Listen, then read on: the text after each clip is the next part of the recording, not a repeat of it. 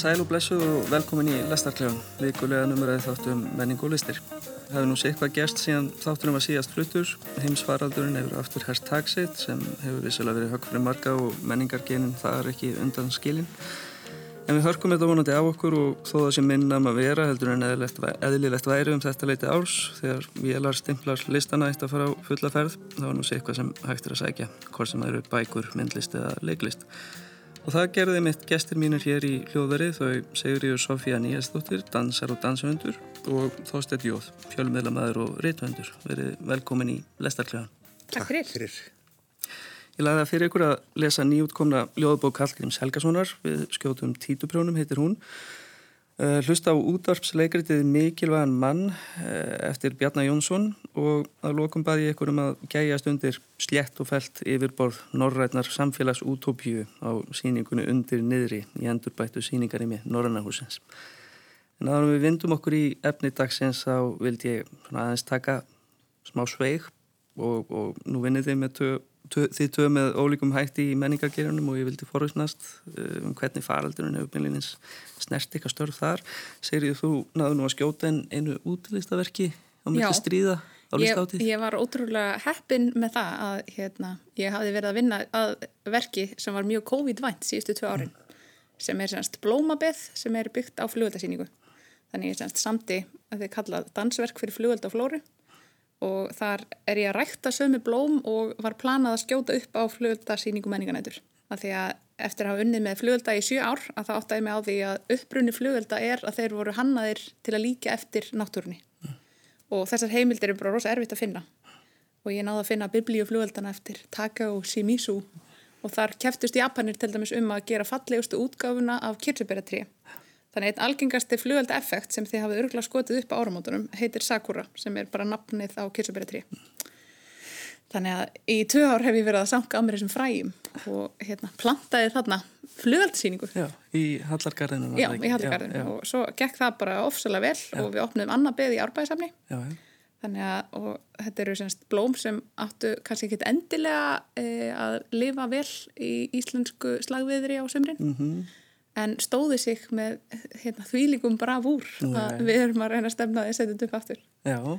þannig að núna fer ég bara úr dansi í gardrækt svo gaman hvert listin leiður mann. Akkurat, já En það er ágætt að hafa náðu þessu út með þessum hætti þó þegar, Já, þegar hægt var. Það var nefnilega skemmtilegt að, að það var sko sama fólki að heimsækja beðið aftur og aftur yfir sumartíman og að því að þetta er kóreografað eins og fljóðasýning þá er alltaf eitthvað nýtt í gangi þannig að mm. einn tegund springur út deyr, næsta springur út og deyr og svo er grandfína all, alveg eins og það sem all blóminn springur út á sama tíma þannig að ágúst var alveg stórfengilegur. Stórmerkilegt. Þannig að þetta var svolítið skemmtilegt. Já, já. Og þú þóstið, þú Varst nú að gefa út bók, er það ekki? Jú, ég held ég að hefði nú bara heldur skánað í COVID-19 sko. Þegar maður var svona einhvern veginn slegin, alltaf sleið af hérna í, í, í vetur og í vor. En hérna, ég er búin að vera að vera, já, að skrifa er nú verið bókverk núni í eitt ár.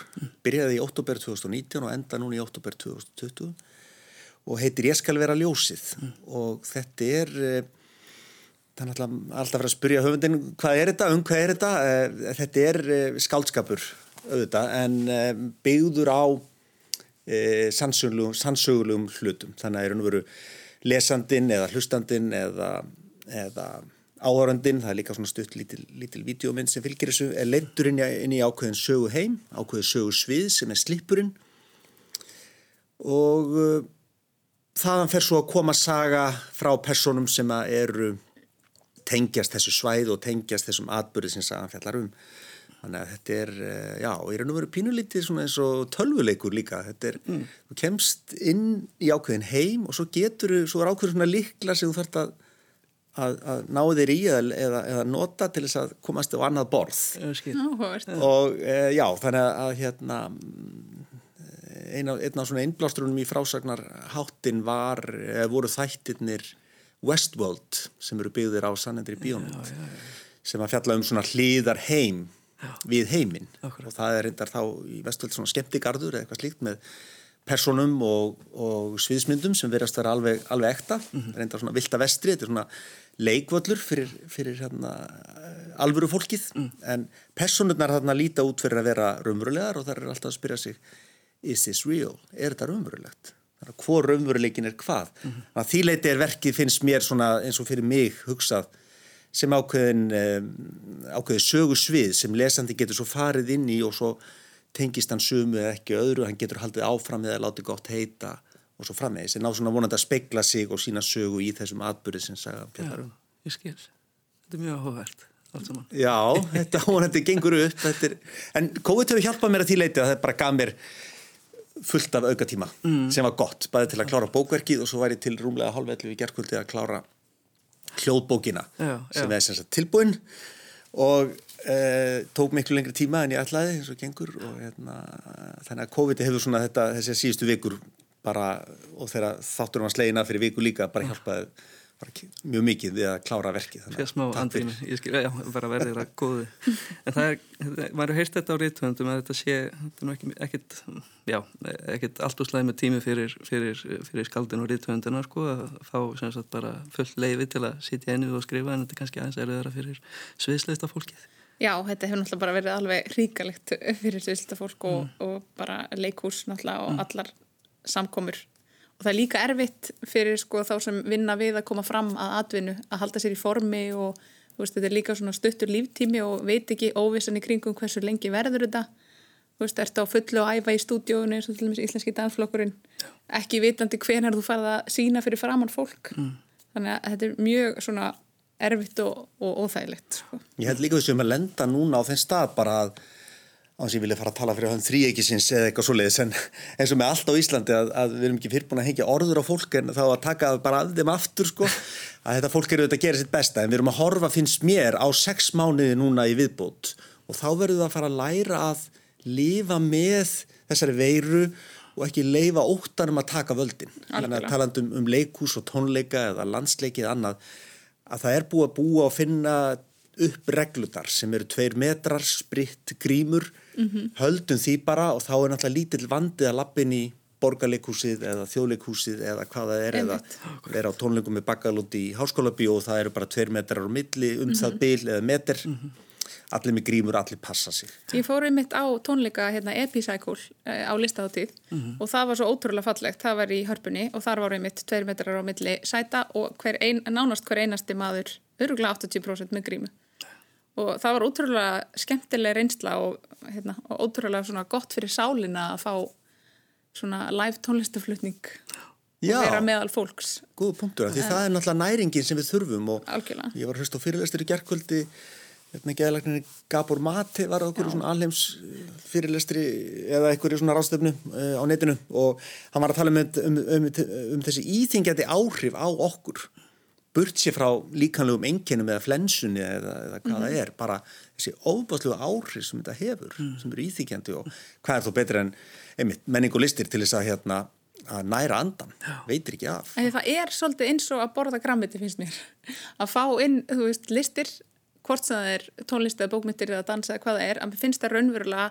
hafa sögum áhrif á andan eins og að borða hotlan mat fyrir líkamann að Næ. það er svo nöðsilegt og ég held að fólk fatt ekki fyrir að það er tekið af því en mér finnst þetta fyrir mig bara að setja inni og hlusta á klassík tónlist að ég fæ bara þúsund hugmyndir og svo er þetta náttúrulega líka bara sannat eitthvað er þetta ekki alfa-bylgjur í heilanum og eitthvað?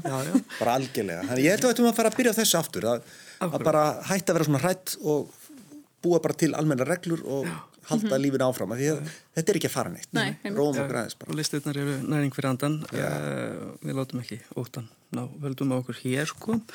Um, Við ætlum að reyna að kvíla okkur á, á COVID samt næstu mínúturnar vonandi, það gæti verið að, að vera skjótin nefnum sko. Uh, ekki, ekki bóstanarinn hótt vonandi en, en hérna á næstu mínútum en, en sjáum til. Uh, Við skulum snú okkur að fyrsta efnið þáttar eins ljóðabókinni við skjótum títupyrunum uh, eftir Hallgrím Helgason og best að leifa skaldunum sjálf að lesa yfir okkur í smástund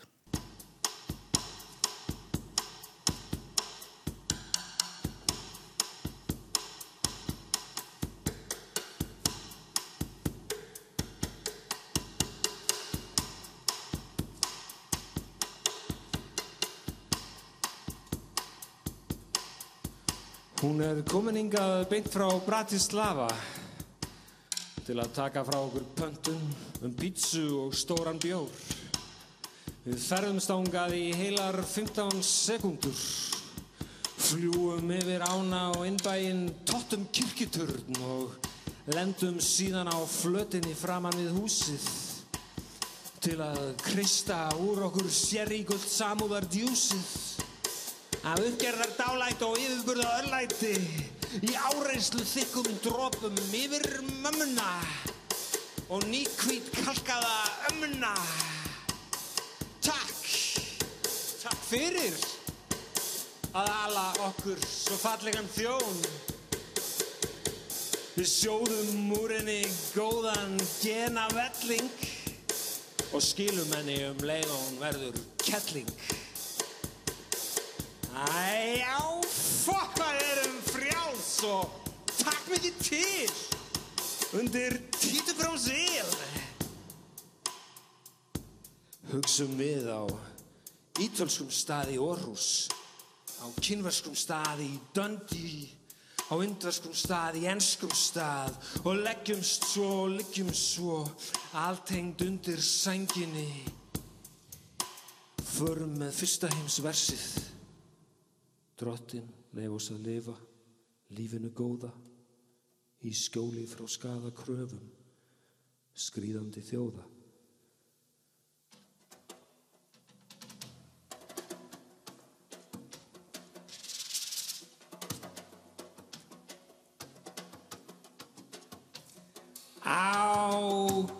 kærleikunum keppum við með hinum og kostum skóladverk í svöngum dal svo ekki komum við hingað hælis þurfi því hér er nóg af útlendingum fyrir til þess að sinna vorum þrumu þörfum. Svo gefist okkur tími til að stunda okkar góðu útlendinga andúð Rasistinn er bara rasistinn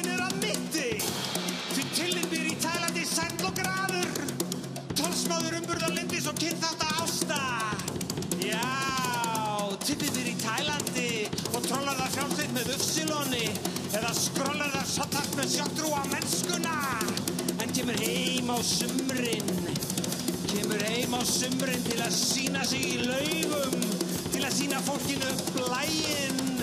Botnanga rifin og bakþrönga nýðingsblæinn Brundaði fram af og hóttel það ekki hvað við erum góð. Þarna heyrðum við brot úr vídeoverki Hallgríms Helgasonar og fjölistamannsins Krassa sig sem gert var uh, í tilitni af útgáfu bókarinnar. Uh, rétt að minnast á það að það er Þorvaldur Þór Þorvaldsson sem slær þarna taktinn undir lestrinum. Við skjótum upp títuprjónum er þriðja ljóðbókin sem Hallgrímur sendi frá sér á fjórum árum en áður hafði hann gefið út hvæðasafni ljóðmæli árið 1998. Við skjótum upp títuprjónum er ljóðabálkur samin árunum 2016 til 2020. Á að stendur hann tali beint inn í samtíman. En það var nú eftir við rétt að sagt að hann tali í samtíma sem var því margt hefur breyst síðan flest ljóð bókarinnar voru samin. Hér er orðhákurinn Hallgrímur aftur mættur eftir ljóðabækur þar sem litið að meira inn á við og leitast við að lefa hugmyndum að skína í gegn í frálsu formi. Þetta eru heimsósum og ljóð um ofur velmöguna pláu, fyrringu og sinnuleysi nútíma mannsins. Hvernig leiðir við lesturinn þósteinn? Já, það er náttúrulega, ég var rosa þakkláttur fyrir þetta hljóðbrot sem hún spilaðir mm.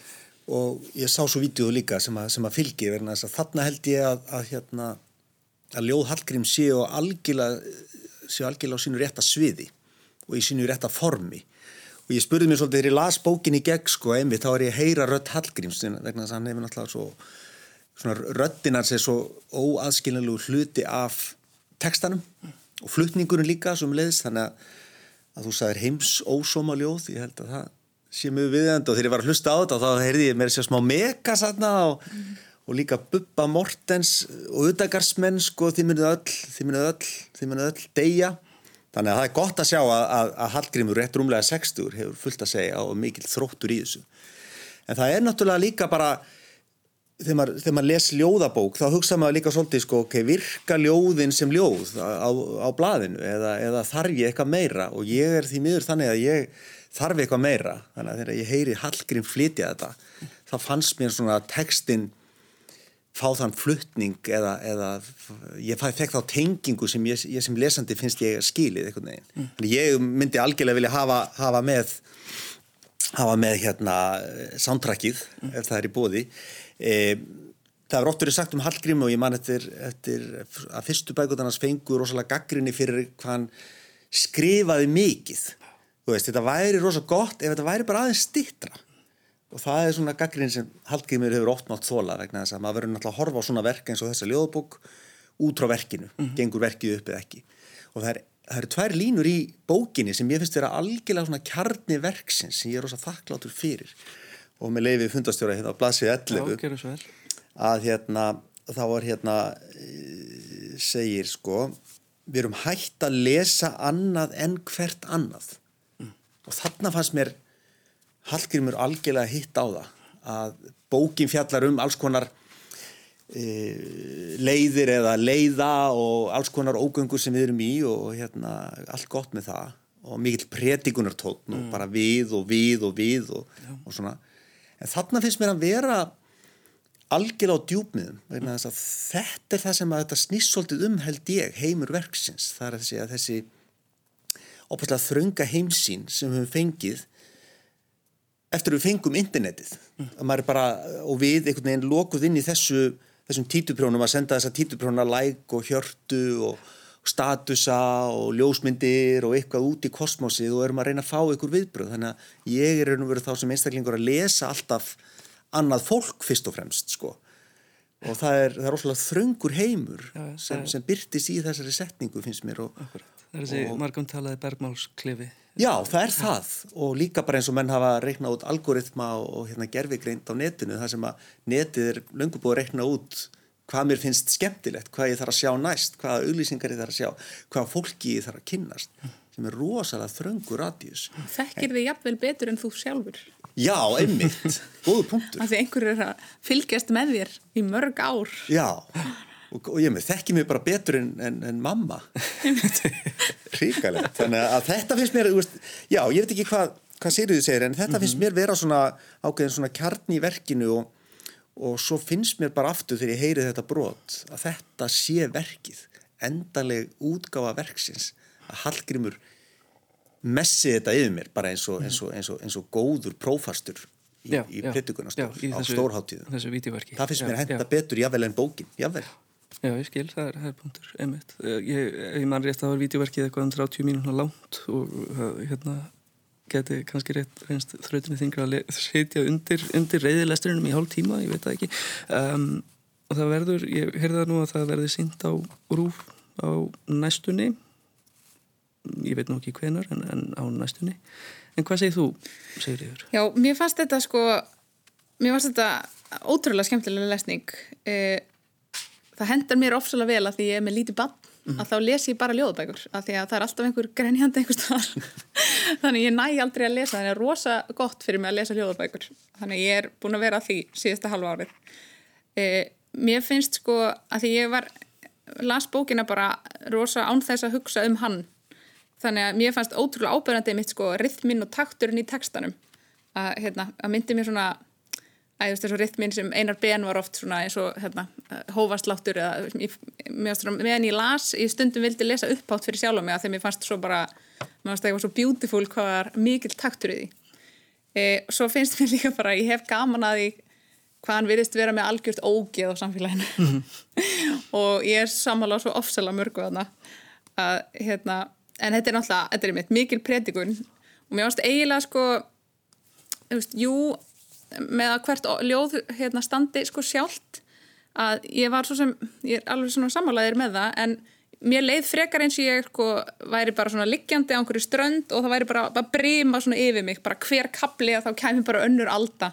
Þannig að hérna, og maður svona reynir að þrauka þegar mér er, já þetta er óþægilegur sannleikur og, en mér varst líka sérstaklega hérna, bara stundum sprakki og hlátri, mér að nota svo skemmtli orð Nákvæmlega, og mikið nýjum orðun. Og, og ótrúlega humorísk, hérna, já, bara einhver svona nýjörði sem að, hérna, ég þurfti bara að lesa tvísora þegar mér fannst þau svo skemmtileg. Akkurat. Og, hérna, já, þannig að virkilega svona, já, eh, hvað maður segir, mikil fagmennska í orðarnótkun fannst mér. Já, hann er alveg á flegið ferðið mitt í nýjörðasmiðinni, hann hefur svo sem verið, verið þekktu fyrir, hann hefur kviltana upp á síðkastið, sko, í, í síðustu tveimu bókum fyrst manni, þeir eru svona Eh, fiskur af himni og lukka það sem hann er svona óvinni lágstemdur sko.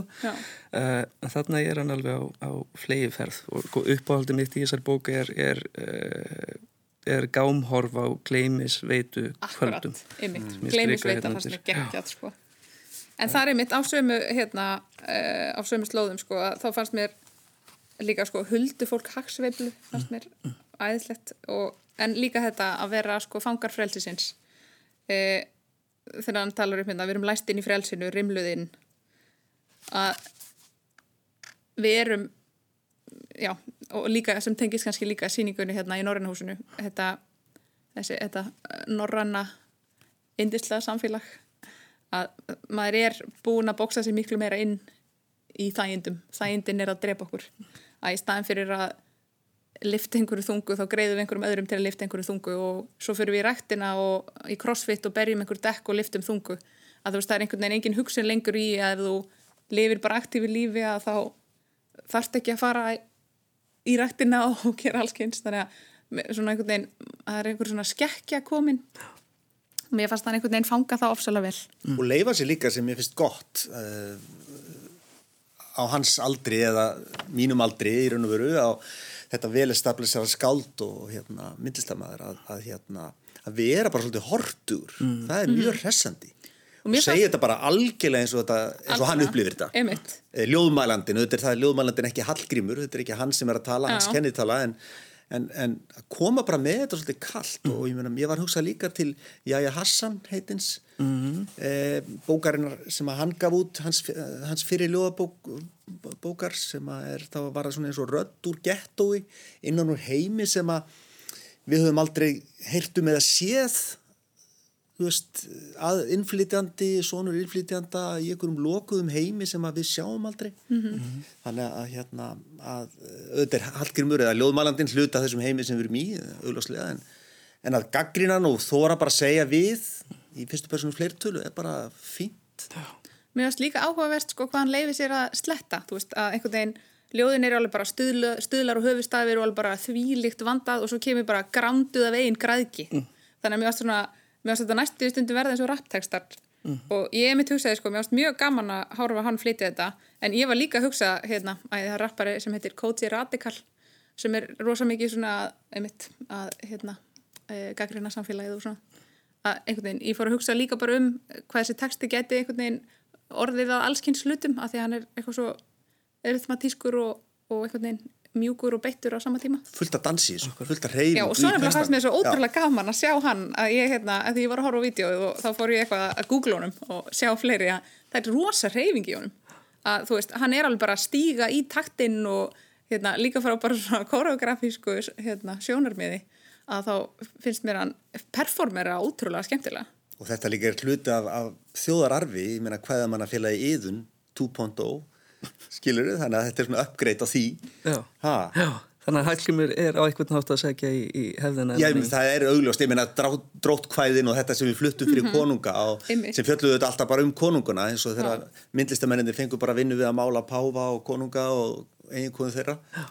Að þá náttúrulega var það hefðin í sjálfu sér en, en ég er ekki að segja þetta séu dróttkvæði en það er bara að þóra að flytja þetta og kalla þetta inn í okkar samtíma er bara þakklátt og hressandi og mér finnst þessi viðlíking við rapparan er mjög góð líka vegna þess að hlutverk rapparans er auðvitað að vera bara algjörlega að segja okkur hvað við erum miklir hálfvitar. Já, ég vildi einmitt grípa þig hans orðinu með, með rappið. Það var byrtur dómur um bókina í mokkanum í gær. Um, það sem að ég nefnilega minnst á, á Jú, ok. ekki stöðu ljóðsins, heldur stöðu íslensks raps Já. sem hefur verið í umræðinu undarförnu. Uh, og þar segir hún að, að ef íslenskur rapheimur hefði aðeins snefila þeirri orðsnild og beinskettu ádeilu sem enginni ljóð Hallgríms væri honum fyrir löngu bjargað. Nei, hættu nú, hver skrifar þetta?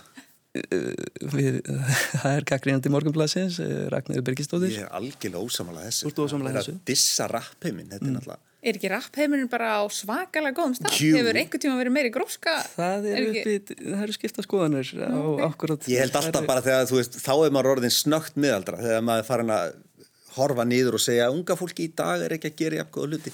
Ég hef engar fossendurinn til að dæma það, sko.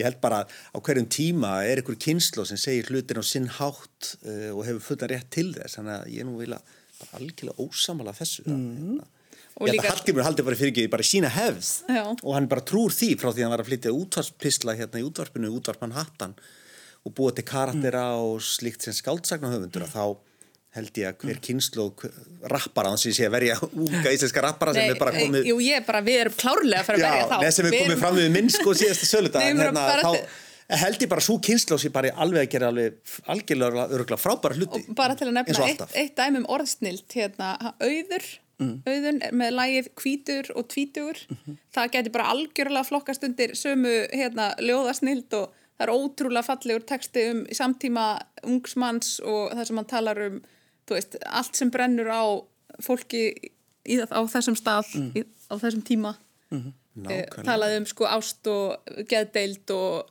djammið og, og rosalega fallegi texta Akkurat, sko. akkurat. Það sem að ég held að sé verið að vísa þarna til er, er sko að það var nú byrstur bara pistill uh, á, á menningavefi Rúf og fluttur á Rás 1 þar sem að döðarapsins var líst yfir og, og einfallega vegna þess að það væri statt í öngstræti kapitalismans og, og uh, það væri bara einfallega ekki, ekki nægilega mikil gróskaðar og, og um, sem stendur uh, en já, hvort þú vel. Það er, það er Það er, það er sjónamið, ég meina Akkurat. fólk maður auðvitað hafa skoðanir þó það nú væri bara og, hérna. Við þurfum greinlega bara að hittast aftur og ræða um rapseruna. já, já, Nei, og ég nefnir bara að því ég leifi mig líka að vera bara vægt miðaldra að því leiti að þú veist, þetta er, það er kynslu sem ég þekki ekki til, ég hef ekki fórsendu til að skilja það sem það er að gera, en ef að sagan hefur kent okkur eitthvað, listasagan, þá er að horfa ekki tilbaka og segja að þetta var miklu betra hérna 1978 sko.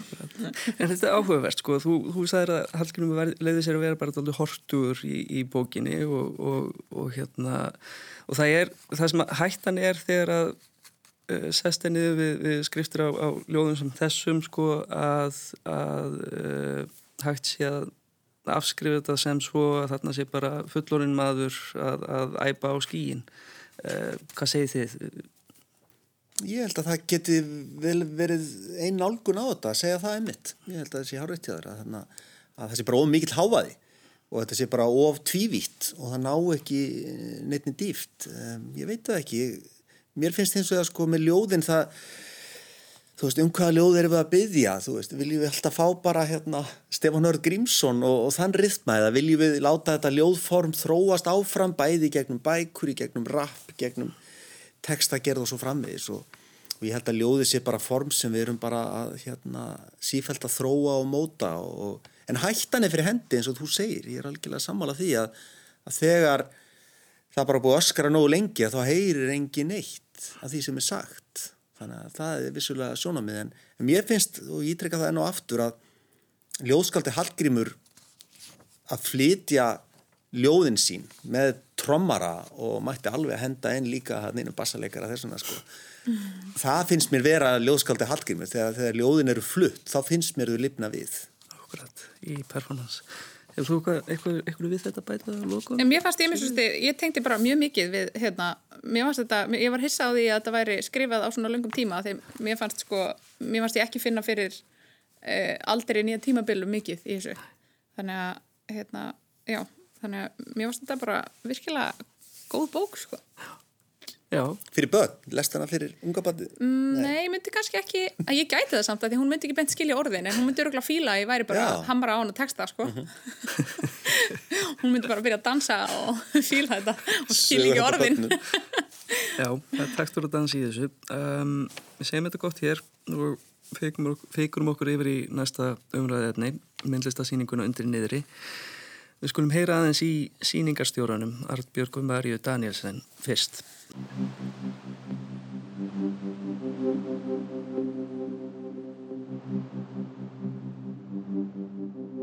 Eh, Við ætlum að kafa djúft í undir meðvitundina og skoða svona dekkri hliðar mannlegs eðlis og, og líka nokkur, nokkur ljósari blæbreyði. En uh, þetta er svona síning sem fer ansi víða við gengum út frá frekar opnu konsepti.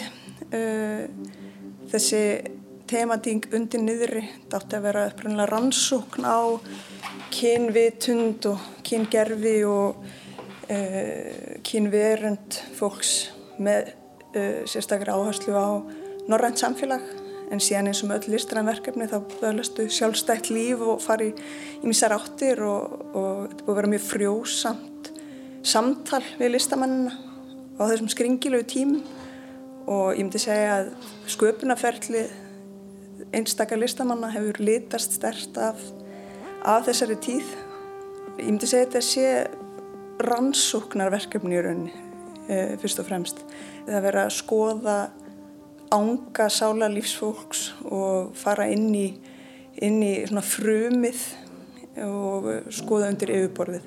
En svo er náttúrulega aðri listamenn líka sem skoða þetta út frá bara sínu persónulega heimi og þeim viðfáðsöfnum sem að þeim eru hvað hugfóknust og eru með þá skýra skýrskotun inn í einhvað vandamál eða, eða spurningu í samfélaginu.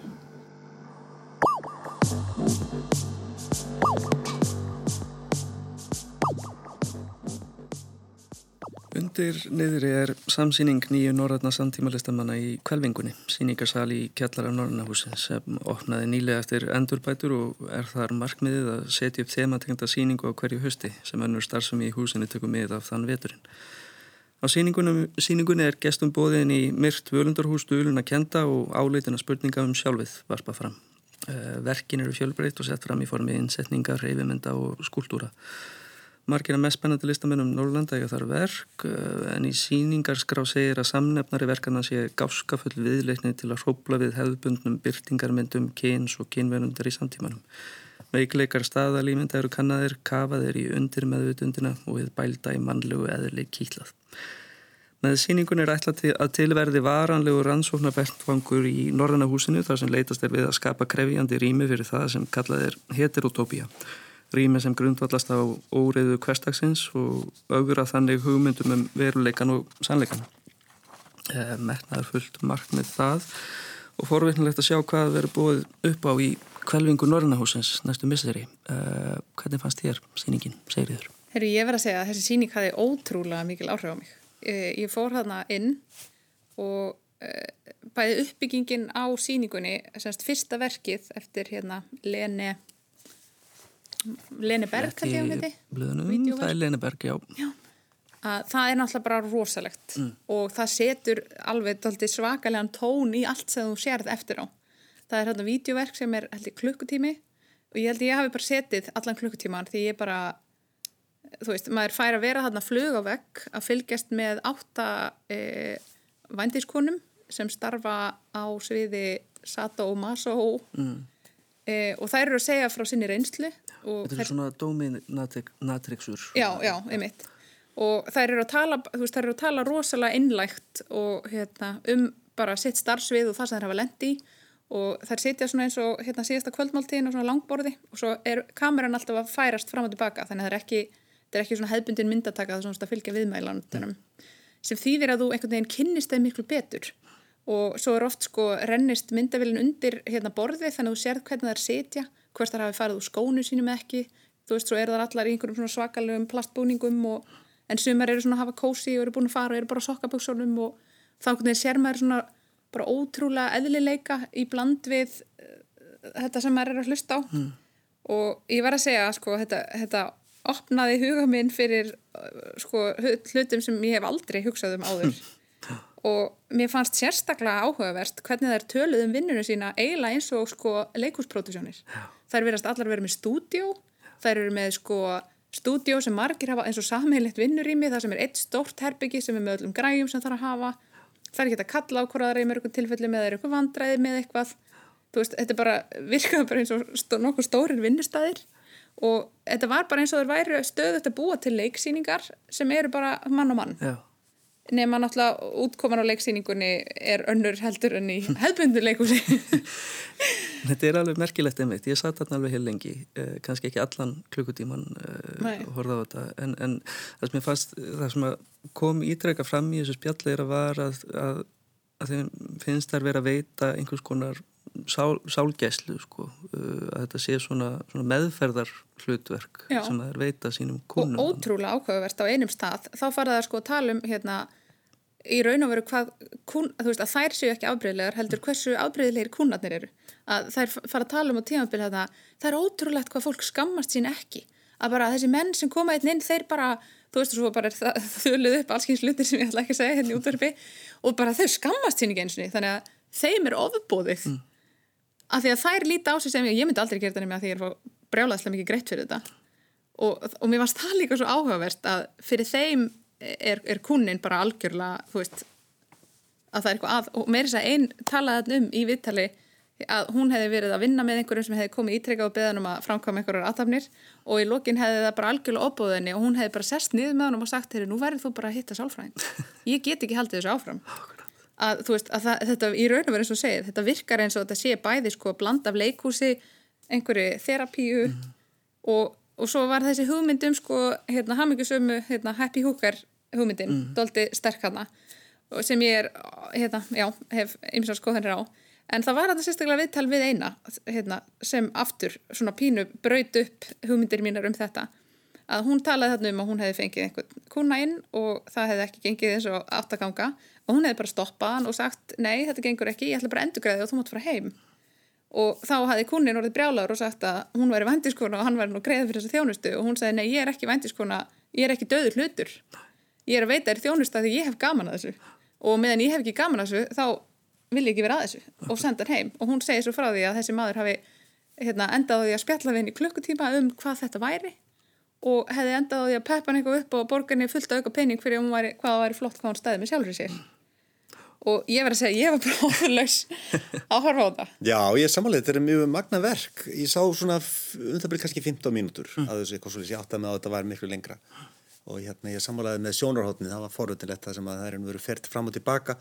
Ég byrjaði á að tellja þær til þess að vita hvort það voru margar og lærisveina þinn, það er ekki, ég held séu átta en, í, en hérna, en svo, já, og svo er líka bara þessi heimun sem veru leitt inn, í þarna og tengið svo síningunum kannski, en, en mér finnst bara með þetta verka, ég má segja sko að, að þá finnst mér líka oft áhugavert að e, þetta er auðvitað ákveðin sviðsetning sem, sem ég leiði mér að segja að, að höfundu versins er meðvitaður um, að þær eru að performera.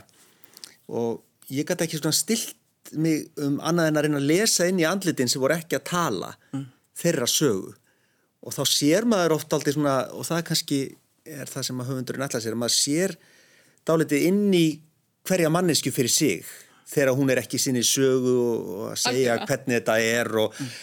og ég meina ég held að þetta starf sér bara svipa eins og barþjótt sko, eitthvað sem að borga barþjónum fyrir að hlusta á sig pínu mm þannig að, að þessi þerapía, þú veist, mér fannst það alveg galið, galinn partur, ég hristi bara hausinni við því, en, en hvernig líður þeim sjálfum og akkur eru þar að þessu, það fannst mm mér líka komið gegn á þess að væri sagt þessi sásauki og þessi líka örugla, þú veist, ég veit ekki hvernig ég orða það, en, en, en þú veist, maður spissið eins og þú segir, þessi, þessi mýta með hafmyggjum með hóruna, þú veist, að hvað miklu leiti er þetta að virka fyrir þessa mannesku En sko það, það var nefnilega það sem ég var svo áhugavert að því ég, einmitt, enda horfið bara á þetta alltaf því ég, ég var svo forvitin.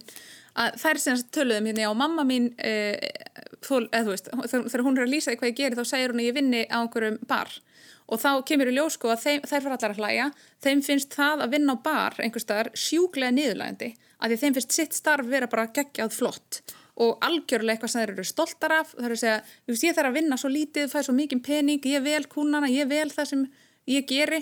Og þeim, þeim fannst algjörlega galið að einhverjum finnist þetta starf ekki gott. En svo á móti kemur töluðu þær líka um sko, aðstæður þar sem þær hafa lendið í lífsættu, þar sem þær hafa lend bara, þú veist, í mjög hættulegum aðstæðum, þannig að það er líka alveg varpa fram skuggarliðum mm. en á einhvern fyrðilegan hátt þegar þær töluðu svona einlægt og maður situr einhvern veginn, ég satt aðna einn og var að hlusta á það og svo finnst mér líka eitthvað svo fallit að hlusta á þýskutala. En þú veist það sögðu frá rosalega mögnuðum á þess að ég fara eitthvað að endur segja þetta núna en það segja frá rosalega mögnuðum sögum þar sem að þær eru beðnar um að fara í einhvern, einhvern hlutverkaleik og hérna, líst því þegar einhver vill leika einhvern svona geðinga nazista leik sem endar svo á því að vera sko e, sem sagt maður sem survivaði það að hafa verið í útrýmingabúðum og hann er einhvern veginn að reyna að leita einhverjar já, hann semst er að byrja þessa konum að leika þetta og hún segir bara og þegar ég fattaði að það var önveruleikin að þá fær hún bara áfall. Mm. og hún er semst að segja þetta er bara rosalega sko sögur sem hafa svo einhvern veginn marg, mörg legjur mm.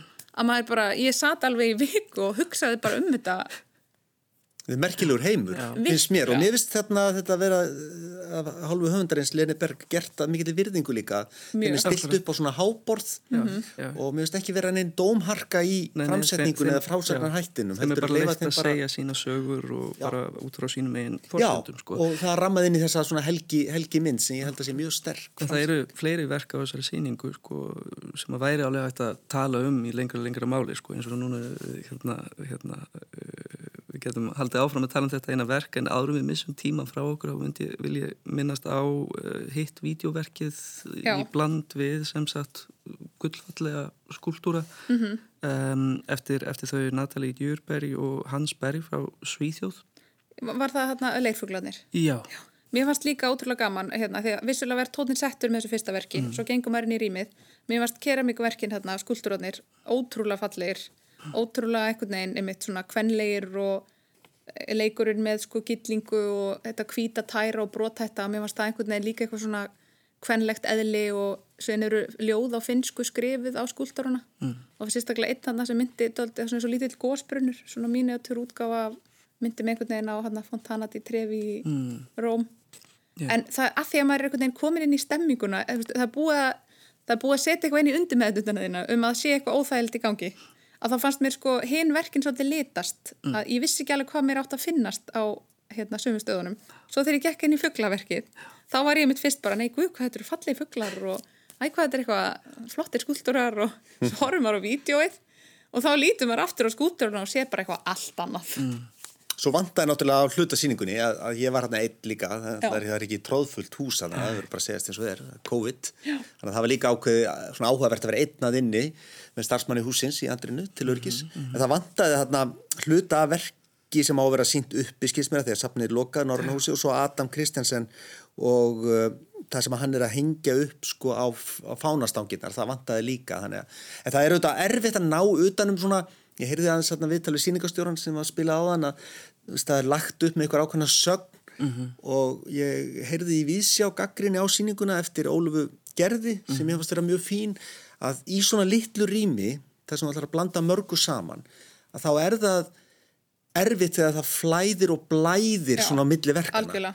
Og það það er auðvitað raunveruleiki að þetta er ákveðin svona kjallari og, og kannski er bara of mörg verk að það getur verið en að því að þetta videoverk setur svo sterka Já, og líka sko eins og segir sko hljóðmyndin, að því hljóðmyndin var, það mætti nú líka bara lækana þess að því að ég hef segið sko keramíkverki, það hefði verið svona bríðir, þú veist, þú ferði inn í einhvern svona rosa darkness í byrjuninni, svo ferði gegnum verkinu hennar Gabrielu og svo kemur inn í þetta finska og það hefði fyrir mér verið bara svona einhver tærleiki og þú veist, öndun áður nú ferði aftur inn í eitthvað myrkur. En að því að tónlistin úr herbygginu, hérna, með videoverkinu blæðir svo heftarlega yfir, þá er maður svolítið í einhvern veginn svona einhverjum varnargýrum að eitthvað sé hrikalegt sé að fara að gerast. En spennandi síningarinn, ég hef aldrei komið hann inn, bara aldrei, ég vissi ekki eins og þessi Jú, kjallar ok. að veri til og það var hérna, tekin hvað í það meira. gegn bara nýlega. Uh, eftir, eftir að eftir vaskjandir að það var tekið upp á því bara að taka þetta í gegn og, og breyta í þetta, þetta fína síningarými Svo hafði ég gaman að sjá þetta málverkin eftir Gabrielu því ég vil ekki sé neitt til hennar frá því bara í Frankúrt 2011 Akkúrat. það sem hún síndi þarna með handritin. Þannig að það var gaman að sjá málverkin hennar þarna, áhugavert. En hvernig þetta tengist allt sama, ég er eiginlega ekki alveg búin að finna það út. Nei. en margar ólíkar spennandi og já, líka skuggalegar upplifanir eins og þarna litla herbergið, litla Já, barnaherbergið einmitt um, Children's Room What We, Do, Not See. Já. Og það var svona að, mjög sterkt óþægileg mm. nærvera þar inni Já, en það var samt ekki, já, einmitt Mér fannst það rosalega óþægilegt og ég var þar inni í hellingi og vissi ekkert en ekki alveg hvað ég, hvað ég var, hverju ég var að leita eftir Nei, það var kannski mér fannst svona titillin gefa aðeins svo mikið í skinn fyrir minnsmekk en þetta myndi mér svolítið á Tracy Emin Unmade Bed að þú færið einhverja sögn og svo byrjar að horfa Einmitt. og er dregin inn í einhverja aðstæður og hérna og það er, já, þannig að það er önnur, önnur hlið á þessari, þessari stúdíu á, á, á kynja hlutverkum og, og, og hérna stöðu kynja og, og svo framvegis en kannski var það sem sýringastjórun lagði. Mér fannst samt eitthvað við eins og ef maður horfur á heildarmyndina að mér fannst eitthvað við þetta, þetta uh, brothætt og hættulegt að vera kona. Þú veist, bæði er talað um einhvern veginn þetta, þú veist, veikara kynið og þú veist, það er, svo, það er svona yfir, í báðum vídeoverkunum er einhvern veginn þetta að þú veist, að þú ert í hættu líkamlegir yfirburðir valda því að þú ert minni máttar. Mm. og svo einhvern veginn skúltur og þeir sem voru svona fingerir og brótættir og svo einhvern veginn þetta, mér varst það einhvern veginn svona já, eitthvað svona hættulegt og brótætt mm, mm, Hættulegt og brótætt, já, já mjög. Þetta er eitthvað sem er náttúrulega maður sem kartmaður tengir ekki við, þú veist, mm. að því að maður kemur úr allt annar átt einhvern veginn. Já, um, hættulegt og brótætt Já, uh, nú þurfum við að snú okkur að síðasta efni þáttarins og, og það er útvarsleikritið uh, mikilvægum maður uh, sem fluttur á rási eitt á dögunum. Uh, það er eftir Bjarnar Jónsson og fjall, fjallar um manna með aldri uh, sem er óvinnufær eftir að orðið fyrir alvarlegu slisi. Hann hefur lengi haft huga og gera óhafinu uh, og afleiðingum þess einhver skil og er byrjað að taka upp hlaðvarp sem hann hefur sett í á netið en það reynist þrautinni þingra að gera allu að fórstíðinni. Í ofanulega bætast vandamál vinarans og skjólstæðings mann sem hefur átt í króniskum peningavandræðum í gegnum tíðina og tristir alfarið á helga í þeim efnum. Hvernig fannst þér verkið þóstan? Það, já, út af sleikusið, þetta, ég, hvað ég segja, mér fannst þetta að vera uh, the well-made play fyrir út af sleikusið og hérna, það var einmitt tæknistjóri þess að þáttar, tæknimaður, Georg Magnússon, sem sér um hljóðmyndina þarna og gerir það mjög vel í, í verkinu. E, það, þetta, það sem það vakti mig til umhúsuna svolítið sko að, að, að þetta er svolítið upplegið, það er maður sem ætlar að fara að segja sögu og afhjúpa ákveðin hlut og svo frammeðis mér fannst verkið sjálft e, fyrir mig of hægt. Mér fannst frásagnarhátturinn of hægur og það fekk mig aftur til að hugsa um bara möguleika útastleikusins til þess að miðla sögum eða til að miðla leiknu efni og hvernig og hvaða aðferðin notu við og mér fannst þetta byggja og mikið á svona einhverjum senum og svona spjalli sem dreif eh, atbyrðar á svona kannski ekkert sérstaklega mikið áfram mm. áhugaverðu karakter mér fannst svona ákveðna leiðir þarna með podcasti sem hefði verið að leika sig meira með í próduseringu mm. með stittri senum og svo framvegis Vist þetta gamaldags leikritið þá?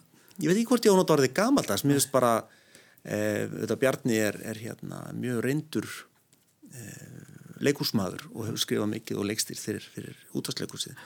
En þetta vakti með bara til umsönur um möguleikana á nótkun þessa forms fyrir þá leikið efni mm. og það eru mjög, mér veistu alltaf að lifa á mest spennandi tímum hvað var að tækni, það, það er að gera hvað sem er.